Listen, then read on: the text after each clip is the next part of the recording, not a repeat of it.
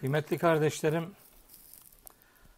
bu akşam sizlerle 5 soruya cevap programında yeniden birlikteyiz. Hepinizi Allah'ın selamı ile selamlıyorum. Allah'ın selamı, rahmeti, bereketi üzerinize olsun. Salat ve selam Peygamberimiz Aleyhisselam'a ve onun kıymetli dava arkadaşlarına, ashabına olsun. Bugün sizlere yine beş soru merkeze alarak bir sunum yapmaya gayret edeceğim inşallah. Bu akşam belirlediğim konular yine tartışılan şeyler, merak edilen şeyler, sorulan şeyler. Bazen yanlış bilindiği için yanlış sonuçlar kaçınılmaz hale gelen bazı konular. Bir kısmı da yani bilinmiyor. Dolayısıyla pek de kimsenin gündemine gelmiyor e, diyebileceğim konular. Peki ben bunları niye seçiyorum? Yani şahsen bana gelen sorular noktasında e, inanın hepsiyle defalarca karşı karşıya kalmışım. E, bir kısmının oranı yüksek, bir kısmının oranı biraz daha düşük. Hepsi aynı şiddetle, aynı oranda, aynı ağırlıkta elbette gündeme gelmiyor. Şimdi bu akşam size önce e, Nebi ve Resul kavramları üzerinde biraz bir şeyler söylemek istiyorum. Çünkü nübüvvet ve risalet konuları e, bazen yani kelimelerin anlamından ve bu kelimelerin Kur'an'daki kullanımlarından biraz kopuk olarak farklı bir mana yüklenerek işte kullanılıyor e, dilimizde, kültürümüzde, günümüzde. Ben e, meseleye biraz Kur'an'dan bakmak, Kur'an'ın bak dediği yerden bakmaya gayret edip sizlere bu konudaki düşüncelerimi arz edeceğim. Bizim Türkçe'de Nebi kelimesini de, Resul kelimesini de e, ayrı ayrı karşılayacak bir kelimemiz yok. Bunun yerine Farsçadan Türkçe'ye geçen işte haber getiren kişi anlamında kullanılan peygamber kelimesi. E, bunun üzerinde yoğunlaşıldı. Dilimize öyle yerleşti. Ben de sıklıkla bunu kullanıyorum. Bazı çevreler bu kelimeye çok felaket e, mesafeli duruyorlar. Hatta bu kelimeyi kullananlara da böyle hiç hoş olmayan hitaplarda da bulunabiliyorlar. Ben bu kelimeyi kullanıyorum. Ee, yani kimin aklına ne geliyor bilmiyorum. Ama kelime tıpkı namaz kelimesi gibi yok işte salatın Türkçe'de herkesin anladığı dilden bir karşılığı yok. Namaz Türkçeleşmiş artık yani. Peygamber de öyle. Ben o kelimeyi bir tereddüt içerisinde bulunmadan kullanıyorum. Birileri rahatsızlık e, hissediyor olsa da e, onu da çok önemsemiyorum. Şimdi nebi kelimesi kelime olarak nebe'e kökünden veya nebeve kökünden geldiği kabul ediliyor ama ne olursa olsun bu kelimenin anlamı haber vermek, haberdar edilmek, haberdar etmek, e, yüksek bir mertebesi olmak, açık seçik yol gibi anlamlara geliyor kelime olarak nebe kelimesi. Nebi kelimesi yani dolayısıyla. Resul kelimesi de işte elçi. Bunun Türkçedeki karşılığı elçi ama yani elçi dediğiniz zaman bunu e, risalet anlamında herkes anlamıyor. Yani elçi her türden elçi var.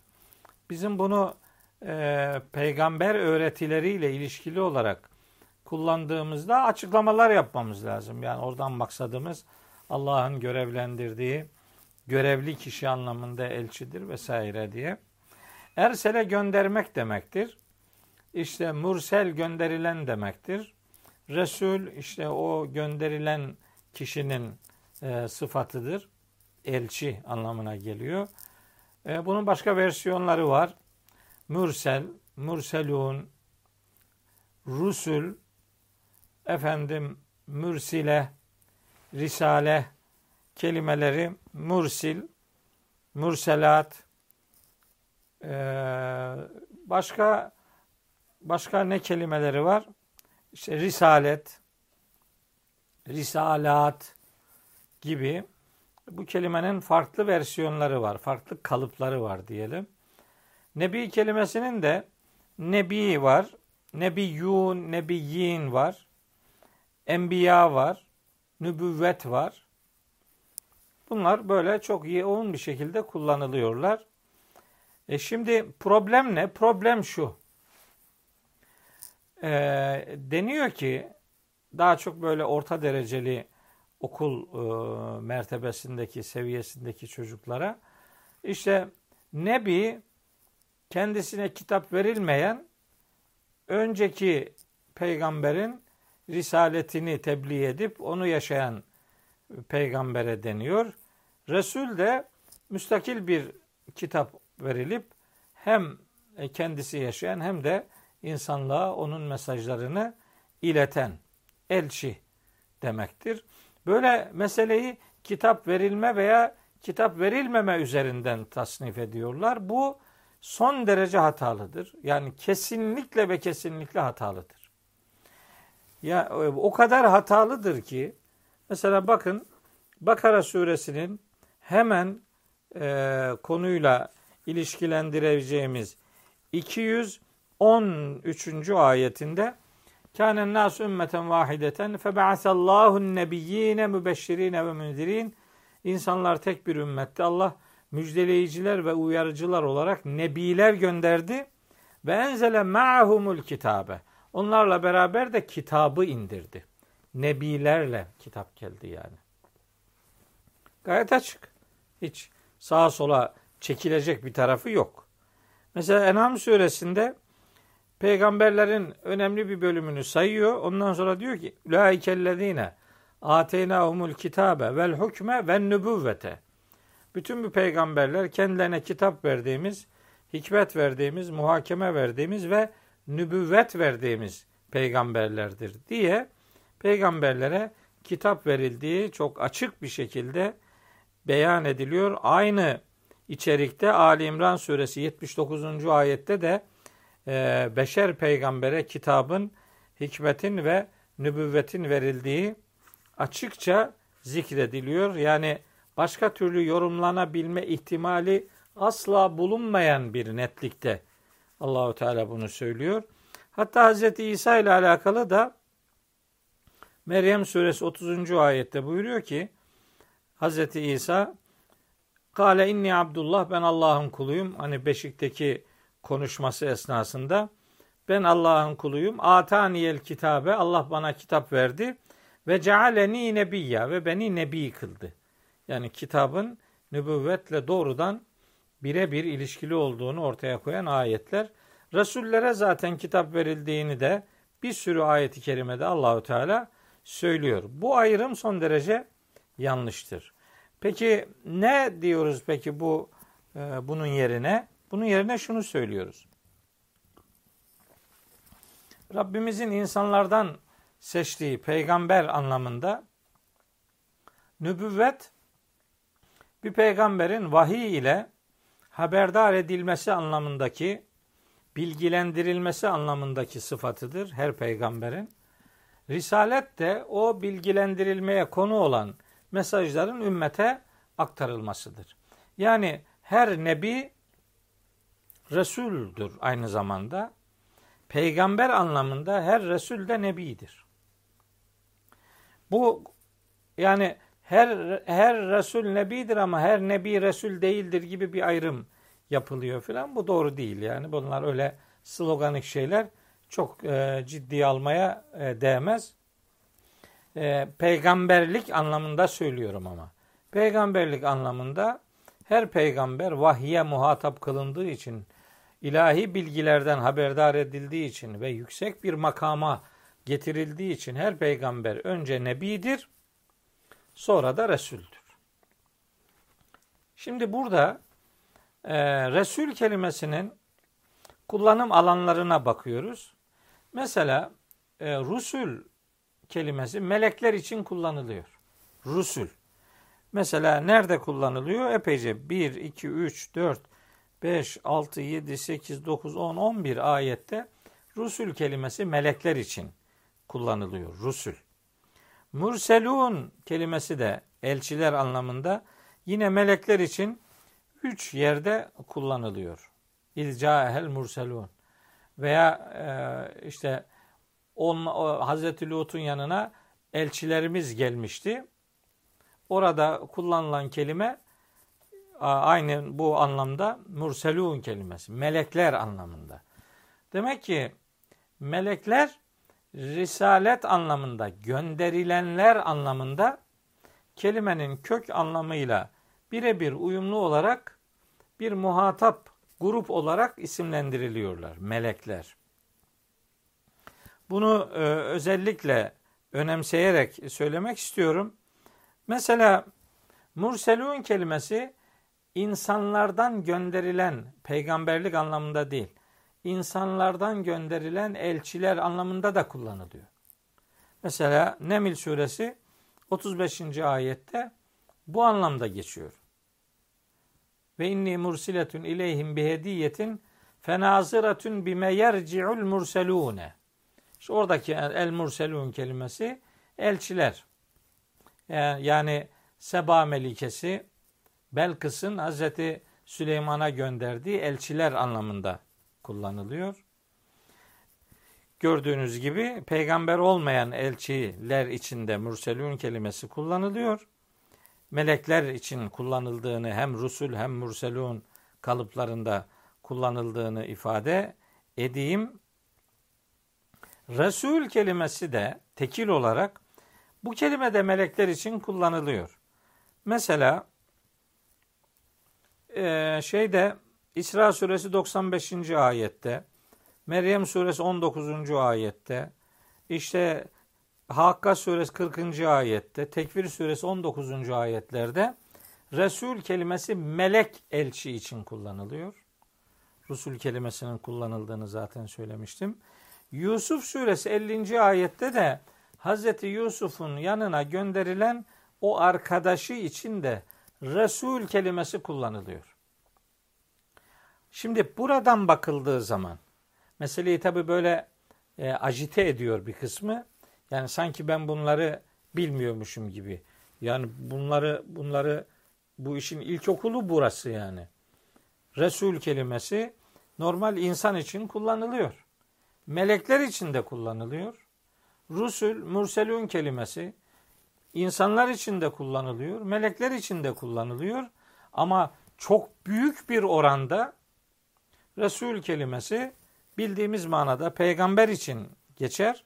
Kur'an'da 236 geçtiği yerin büyük çoğunluğunda yani neredeyse 225 civarı ayette peygamber manasında kullanılıyor. Ee, başka manalarda da kullanıldığını biliyoruz. Buradan hareketle eğer maksat bu dediğim gibi insanlardan oluşturulan elçiler veya meleklerin elçiliği manası eğer kastediliyorsa o zaman risalet daha kapsamı geniş bir kavramdır.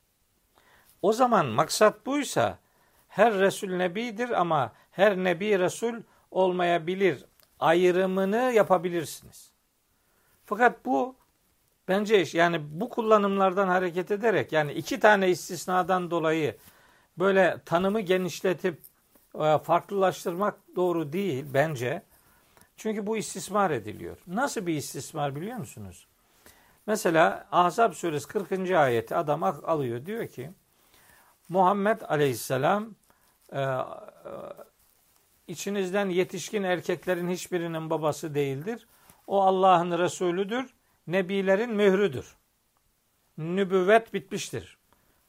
Peki nübüvvet bitti peygamber anlamında yeni bir risalet var mı? Var diyor adam işte. Peygamber anlamında risalet.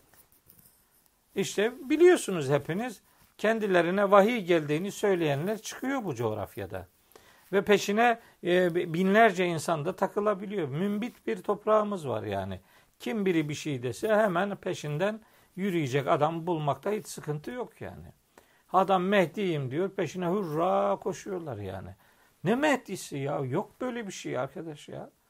Allah'ım ya Rabbi ya. Yani nasıl böyle insanlar böyle savruluyorlar ben bunu anlamıyorum. Adam hala Hazreti Muhammed'den sonra bana da vahiy geldi diyor ve buna inanıyorlar. Niye? Bu Resul ve Nebi ayrımını yapıp da işte kitap verilen verilmeyen veya hangisi mühürdür hangisi değildir ayrımını ortaya koyup böyle nübüvvet ve risaleti farklı kurumlar gibi algılamayı istismar ediyorlar. Ben işin orasına karşı gelmek üzere peygamber anlamında tekrar ediyorum. Her nebi resuldür, her resul nebidir. Fakat şimdi Allahu Teala mesajlarını bize gönderdi. Yani Hz. Muhammed aracılığıyla ümmete iletti. Şimdi bu mesajları bizim diğer insanlara ulaştırma görevimiz var hepimiz. Yani ve uhiye ileyye hazel Kur'anu li unzirekum bihi ve men bela. Bu Kur'an bana e, indirildi ki, vahyedildi ki sizi ve ulaşabileceği kim varsa herkesi uyarayım diye. O zaman anlaşılıyor ki peygamber anlamında risalet bitmiştir. Hz. Muhammed hem son nebidir hem son resuldür bitti. Ancak kurumsal anlamda yani mesajların ümmete iletilmesi anlamında Kur'an da bir resuldür. Kur'an'ı anlatmak da bir risalet biçimidir. Kurumsal anlamda meseleyi, mesajları birilerine iletme anlamında risalet elbet devam eder yani. Ama bu peygamberlik anlamında herhangi bir resul olmayı asla kapsamaz. Hz. Muhammed Aleyhisselam son nebi ve son resuldür peygamber anlamında. Ondan sonra herhangi bir nebi ve bununla beraber herhangi bir resul gelmeyecektir vesselam. Kim ki yeni vahiy aldığını söylüyorsa inanın yalan konuşuyordur. Ona asla ve asla itibar etmeyin. Bugün size ikinci konu olarak biraz boyutu oldukça geniş bir konu. Aslında böyle birkaç dakikada bitecek bir şey değil ama boşanma hukukuyla alakalı da toplumun dilinde böyle üçten dokuza ben seni boşadım filan deyip de böyle sanki koskoca bir evlilik kurumu bir adamın iki dudağının arasına terk edilmiş gibi kabul edilen bir uygulama var. Böyle Kur'an'ı açtım tam da o sayfa çıktı tevafuk. Bakara suresinin 229. ayetinde boşanmanın üç defa olduğu ifade ediliyor. İki defa devam eder. Üç temizlik süresince boşamanın bir süreç halinde devam edeceği anlaşılır. Bakara suresi 228-229. Detaya girmemek için okumuyorum ayetler. Oldukça uzun ayetler. Boşanma Kur'an'da oldukça geniş yer kaplayan bir meseledir. O kadar önemlidir ki Kur'an'ın 65. suresinin adı Talak suresidir. Boşanma yani. Bu surenin özellikle ilk iki ayetini hadi evet, ilk iki ayetini okumam lazım. Bunu okumadan olmaz. Bakara 228-229'u önce hatırlattım. 3 temizlik süresince 3 regil dönemi bitip e, temizlik sağlanıncaya kadar o 3 aylık süreçte eğer ayrılma kararı devam ediyorsa 3 ayın sonunda boşanma gerçekleşir o ayette. Yani Bakara 228 ve 229'da. Şimdi Talak suresinde diyor ki Allahu Teala ya eyyühen nebiyyü ey nebi İza tallaktumun nisa kadınları boşa, boşadığınız zaman fatallikuhunne onları boşayın li iddetihinne iddetleri yani o süre o temizlik süresi içerisinde boşayın ve asul iddete ve o sayıyı da tamamlayın sayın yani. Yani bir, bir süreç var. O süreci sayın, tamamlayın. Vettekullaha rabbeküm Rabbiniz olan Allah'a karşı muttaki olun, duyarlı davranın. La tuhricuhunne min buyutihinne. Bu süreçte onları evlerinden çıkarmayın. Ve la yahrucne. Kendileri de çıkmasınlar. Bak süreç var. İlla en yetine bir fahişetin mübeyyine. Ta ki apaçık bir fuhuş getirmeleri durumu hariç. Ve tilke hududullahi. Allah'ın sınırları bunlar. Ve men yeteadde hududallahi. Kim Allah'ın sınırlarını aşar geçerse fakat zaleme nefse Allah'a bir zararı olmaz. Kendine haksız zulmetmiş olur. Şimdi cümleye bakın. La tedri bilemezsin sen. Peygamberimize diyor. Leallallâhe yuhdisu ba'de zâlike emra. Bilemezsin. Belki de Allah bu süreçte bir, tonu, bir, bir aydan sonra, bir boşamadan sonra, bir iddetten sonra Allah belki bir şey yaratır. Bilemez. Evde duracaklar, aynı ortamda olacaklar. Üç ay, bir ayın sonunda belki Allah bir şey yaratır. Belki vazgeçer. Belki bir yuvanın dağılmaması için bir vesile olur. Pat diye 3'ten 9'a. 3'ten 9'a nedir ya 3'ten 9'a? İstersen 300'den 999'a de. Hiçbir işe yaramaz bu. Yani evlilik bir defa bir hukuki kurumdur. Hukuken resmen tescillenip resmen bitirilir bu yani. Resmen nikah kıyılır ve resmen bitirilir. Öyle yalandan iki tane şahit uydurmayla bir kadın alınıp onunla evlenilemez. Sonra da bir adamın iki dudağının arasından seni boşadım demeyle de bir kadın boş olmaz filan. Yok böyle bir şey yani. E, Talak suresi işte okuyorum. Şimdi buna karşı çıkanlar diyor ki işte, ama öyle değildi böyleydi. Ayetler var ayet. Bu hikaye değil. Ben kafama göre söylemiyorum. Bakara 228 229 kapı gibi duruyor orada. Hatta devam ediyor. 230, 231, 232, 233, 200, 240. ayete kadar bu konuyu anlatıyor Allahu Teala Bakara suresinde. Hayret ya. Yani bu konuda da o ayetler okunmayacaksa daha ne zaman okunacak ya? Ya Talak suresi işte sure adını buradan alıyor. Bu ayetleri okumuyor adam. Başka bir şey anlatıyor. Feyda belagna ecelehunne. Bak sürelerinin sonuna ulaştıkları zaman bekleme süresi var ya 3 ay, 3 temizlik süresi. Femsikûhünne bi marufin. Artık ya onları e, maruf, bilinen ölçülerde yanınızda tutun. Ev farikuhunne bi marufin. Veyahut da maruf bir ölçüde yani bilinen şartları yerine getirilerek onlardan ayrılın. Ama ve eşhidü de ve yadilin minküm. İçinizden iki adil şahidin yanında boşayacaksınız. Yani resmen olacak bu iş. Ve akimu şehadete lillah. Onlar da Allah için şahitliği yerine getirecekler, getirin diye Allah emrini veriyor. Zaliküm yuazu bihi men kâne yu'minu billahi vel yevmil ahir. Bu Allah içinizden Allah'a ve ahirete inananlar için Allah'ın ortaya koyduğu prensiptir. Size e, verilen nasihat budur. Ve men yettekillah kim Allah'a karşı muttaki olursa yecallehu mahrece Allah onun için bir çıkış yolu mutlaka yaratır. Şimdi ne olacak bu? Üçten 9'a ben seni boşadım. Neyi boşuyorsun ya? Yani kim nasıl evlendin sen bununla? Bak Hazreti Zeyd'in evliliğinden söz eden ayette Zeyd, Hazreti Zeyd peygamberimizin bu boşamayı gerçekleştirmesi için ona müracaat ediyor. Yani resmiyete müracaat ediyor. Yani devlete müracaat ediyor. Devlet başkanına müracaat ediyor. Nisa suresi 35. ayette evlilik sıkıntısı bitme noktasına geldiği zaman hakem tayin edin diyor. Hakemler bu işi çözmeye gayret etsin diyor. Şahitler olsun. Hukuk, hukuk. Hukuk. Evlilik öyle şaka değil ki. Birinin öbürünün efendim e, keyfine göre hareket et. Ondan sonra tabi bu din niye böyle? Bu din öyle değil. Onun yorumunu böyle yapanlar işte buna sebebiyet verdiler. Allah'ın kitabında böyle hukuku iki dudağın arasına terk ettirecek bir boşluk söz konusu değildir. Üçüncü konu bu akşam iki bayram arasında nikah kıyılır mı? Hadi buyur. Al sana bir hurafe daha. İki ara bayram arasında nikah kıyılır? Kıyılır. Niye kıyılmasın? Ya arkadaş iki bayram arası olmayan gün yok ki zaten.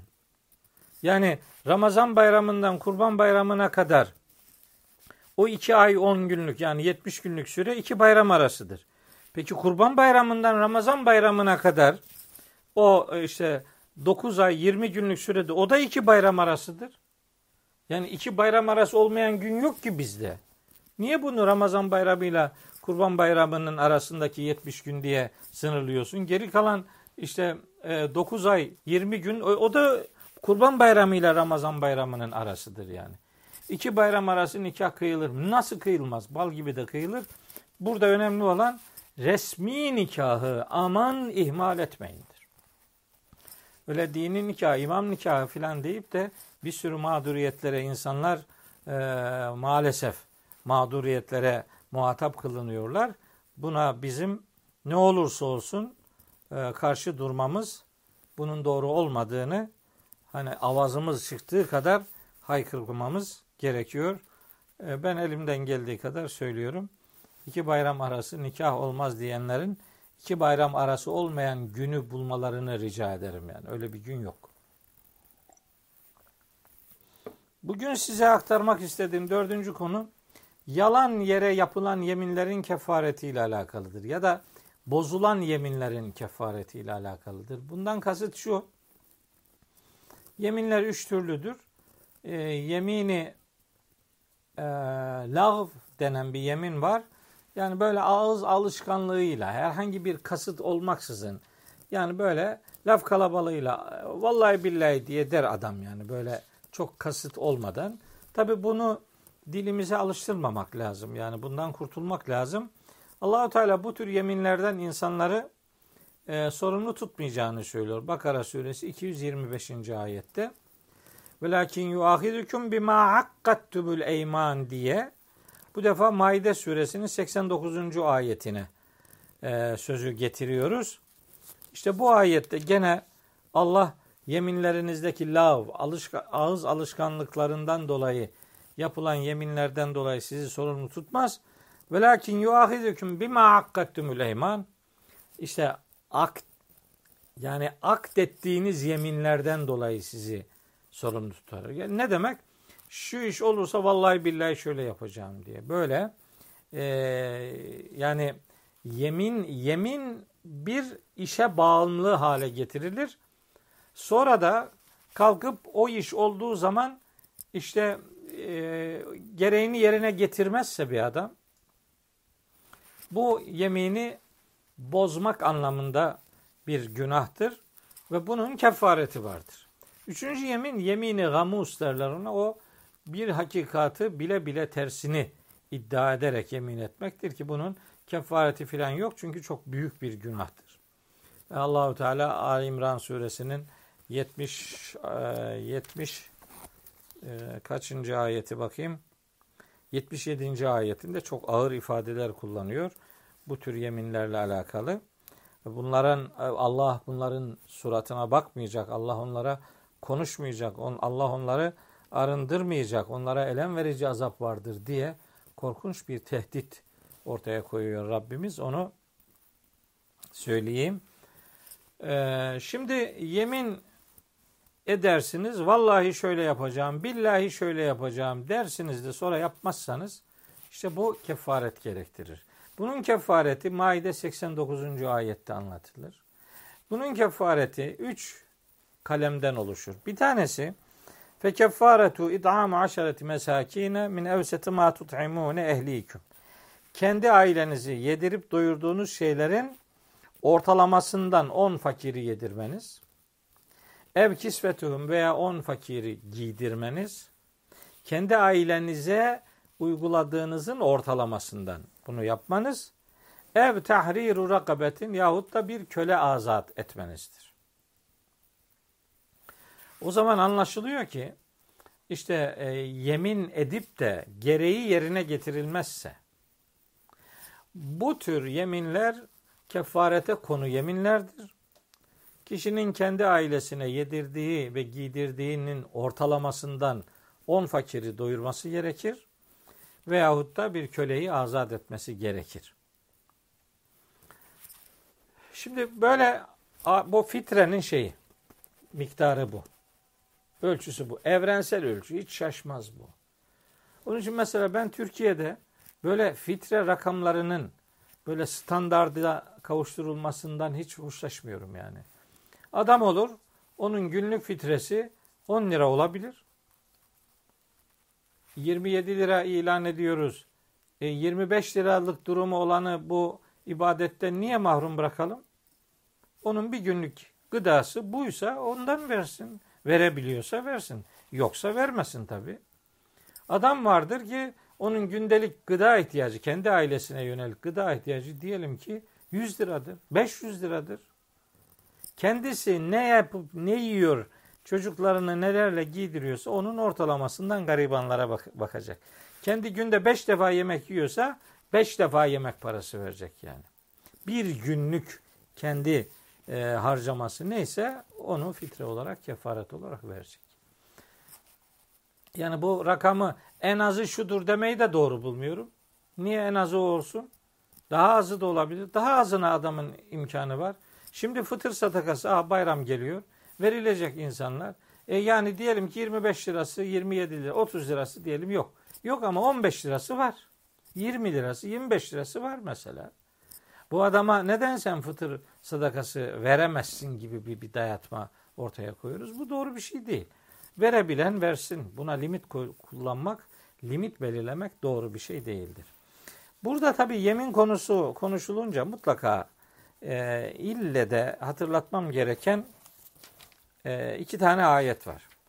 Bunları hatırlatmazsam olmaz. Anlatacağım, hatırlatacağım ayetlerden biri Bakara suresinde. Allahu Teala Bakara 224. ayette buyuruyor ki: "Ve la tec'alullaha urdaten li eymanikum." Sakın ha yeminlerinizi e, kötülüklerden korunmanızın önüne bir engel yapmayın. Ve la tec'alullaha urdaten li eymanikum. Yani Allah'ı yeminleriniz için bir engel yapmayın. Hangi konuda? En teberru, iyilik yapma. Ve tetteku, muttakice davranma. Ve tuslihu beynen nas, insanlar arasında sulh, barış ortaya koyma gibi konularda yeminlerinizi ileri sürerek Allah'ı engel yapmayın. Yani şöyle bir yemin yemin olmaz. Vallahi namaz kılmayacağım. Böyle bir yemin olmaz yani. Vallahi insanlara iyilik yapmayacağım. Böyle bir yemin olmaz. Vallahi insanlar arasında barış için uğraşmayacağım. Böyle bir yemin olmaz. Yemin ettim hırsızlık yapacağım. Böyle bir yemin olmaz. Yeminin takvaya aykırı bir e, boyutu asla ve asla olamaz, olmamalıdır. Ha, yanlış bir yemin yapılırsa eğer o yemini bozmak da Allah'ın emridir. Bu da Tahrim suresi birinci ayetle ikinci ayeti e, evinizde bir bakarsanız e, çok e, bilgilenmiş olacaksınız eminim. E, Peygamberimiz kendine eşlerinin gönlünü hoş tutmak için kendine Allah'ın helal kıldığı bir şeyi haram kılmış. Rabbimiz onu uyararak eşlerinin rızasını kazanmak için Allah'ın sana helal kıldığı bir şeyi sen ne diye kendine haram kılıyorsun? Allah bağışlayan ve merhamet edendir. Kad feradallahu leküm tehillete imanikum. Allah size bu tür yeminlerinizi kefaretle çözmeyi farz kılmıştır. Böyle bir yemin olmaz. Yemin ettim işte e, filanca ile konuşmayacağım. Böyle bir yemin olur mu ya? Yemin ettim hanımla barışmayacağım. Böyle yeminler yemin değil bunun kefareti verilir ve o yemin bozulur. O yeminleri tahille yani helalleştirmek yani onların davranışın haramlığından onu kurtarmak Allah'ın farzıdır. Tahrim suresi 1 ve 2. ayetler doğrudan bunu anlatmaktadır.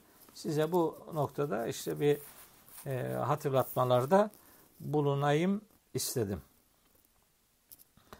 Bugün size ha bir de beşinci soru var. Dövme, dövme yaptırıyor ya gençler. Gençler yaptırıyor, orta yaşlılar yaptırıyor. Yani ileri yaştakiler yaptırıyor. Ben anlamıyorum. Adamın vücudu görünmüyor. Her tarafı bir acayip e, böyle işaretler, işaretler filan. Vücuda bu türden müdahalelerde bulunmak yani dolaylı da olsa Nisa suresi 119. ayeti hatırlatır. Nisa suresi 119. ayet şeytanın bazı müşriklerin yaptığı gibi hayvanların kulaklarını yaralaması noktasındaki bir işlemle alakalıdır ama oradaki ifade ve la amurennehum insanlara emredeceğim fele yugayyirunne halkallahi. Allah'ın yaratmasını değiştirecekler filan diye. Ben buradan mesela e, genellikle bu işi konuşanlar e, ister istemez bu dövmeye sözü getiriyorlar. Yani işte bu dövme odur filan. Benzer mi benzemez mi? Yani bir defa doğru bir şey değil. Bu dövme yapmak doğru bir şey değil. dövme yaptırmak doğru bir şey değil. Böyle estetik estetik işleri falan doğru şeyler değiller bunlar. Ancak sağlık sebebiyle olursa o başka. Bir sağlık problemi varsa ne demek yani? Onun e, hiç pazarlığı dahi olmaz. E, bu vesileyle bir şeyi mutlaka hatırlatmalıyım. Allah'ın yaratmasını değiştirmeyi şeytanla ilişkilendiren o Nisa 119. ayet aslında yani güncel hayatta baktığımız zaman mesela gıdaların GDO'su mesela. Mesela genlerle oynamak. Mesela Allah'ın yaratma sistemine kendince müdahalede bulunmak. Allah'ın yarattığı şeyleri bozmak. Bir fesada sebebiyet vermek. Değil mi? Yani bir üreme sistemini e, darma duman etmek. Mesela evcil hayvanları kısırlaştırmak mesela. Neden bunu yapıyorsun? Niye Allah'ın yaratma sistemine müdahalede bulunuyorsun? İşte mesela işte bu genlerle oynamak. İşte bu GDO'lu ürünler meydana getirmek. Yani Allah'ın kainata koyduğu o muhteşem sistemi e, zedelemek anlamında o ilahi iradeye, ilahi sünnete müdahale etme anlamında sakıncalıdır. Peki soruya konu nedir? E, yaptırdı adam diyelim bir yerine bir dövme yaptırdı şimdi. Bunun abdesti gusül olmaz mı? Bunun abdesti ve gusüle herhangi bir engeli yoktur. Nihayetinde abdest o, o, o dövme artık onun bedeni olmuştur. Bedeni o rengi almıştır. Su zaten deriye ulaşıyor. Abdestte de gusülde de bunun herhangi bir engeli söz konusu değildir. Meseleyi oraya getirmektense daha büyük çapta düşünüp ilahi sistemde Allah'ın yarattığı şeylere müdahalede bulunmayıp Rabbimizin dengeye kavuşturduğu bu alemde dengesizlik yapmamak gerekiyor. Rahman suresinde öyle diyor. وَالسَّمَاءَ رَفَعَهَا وَوَضَعَ الْمِيزَانِ Göğü yükseltmiştir ve denge koymuştur. اَلَّا تَدْغَوْ fil mizan. Siz de tartıda hadsizlik, aşırı, aşırılığa gitme yapmayın. Ve akimul vezne bil kıstı. Efendim tartıda adil bir tavır ortaya koyun. Ve la tuhsirul mizan. Tartıda eksiklik yapmayın. Yani her şey Rabbimizin yarattığı ölçülerde devam edip gitsin. Yoksa insanların yapıp ettiklerinden dolayı karada ve denizde fesadın, bozulmanın meydana geleceğini söyleyen Rum suresi 41. ayetin tehdidine muhatap olabiliriz. Bu muhataplıktan kurtulabilme adına Allah'ın dinini Allah'ın istediği gibi ve Resulünün yaşadığı gibi yaşayabilme noktasında Rabbim size de bize de hayırlısıyla başarılı bir ömür nasip etsin diyor. Hepinizi Allah'a emanet ediyorum.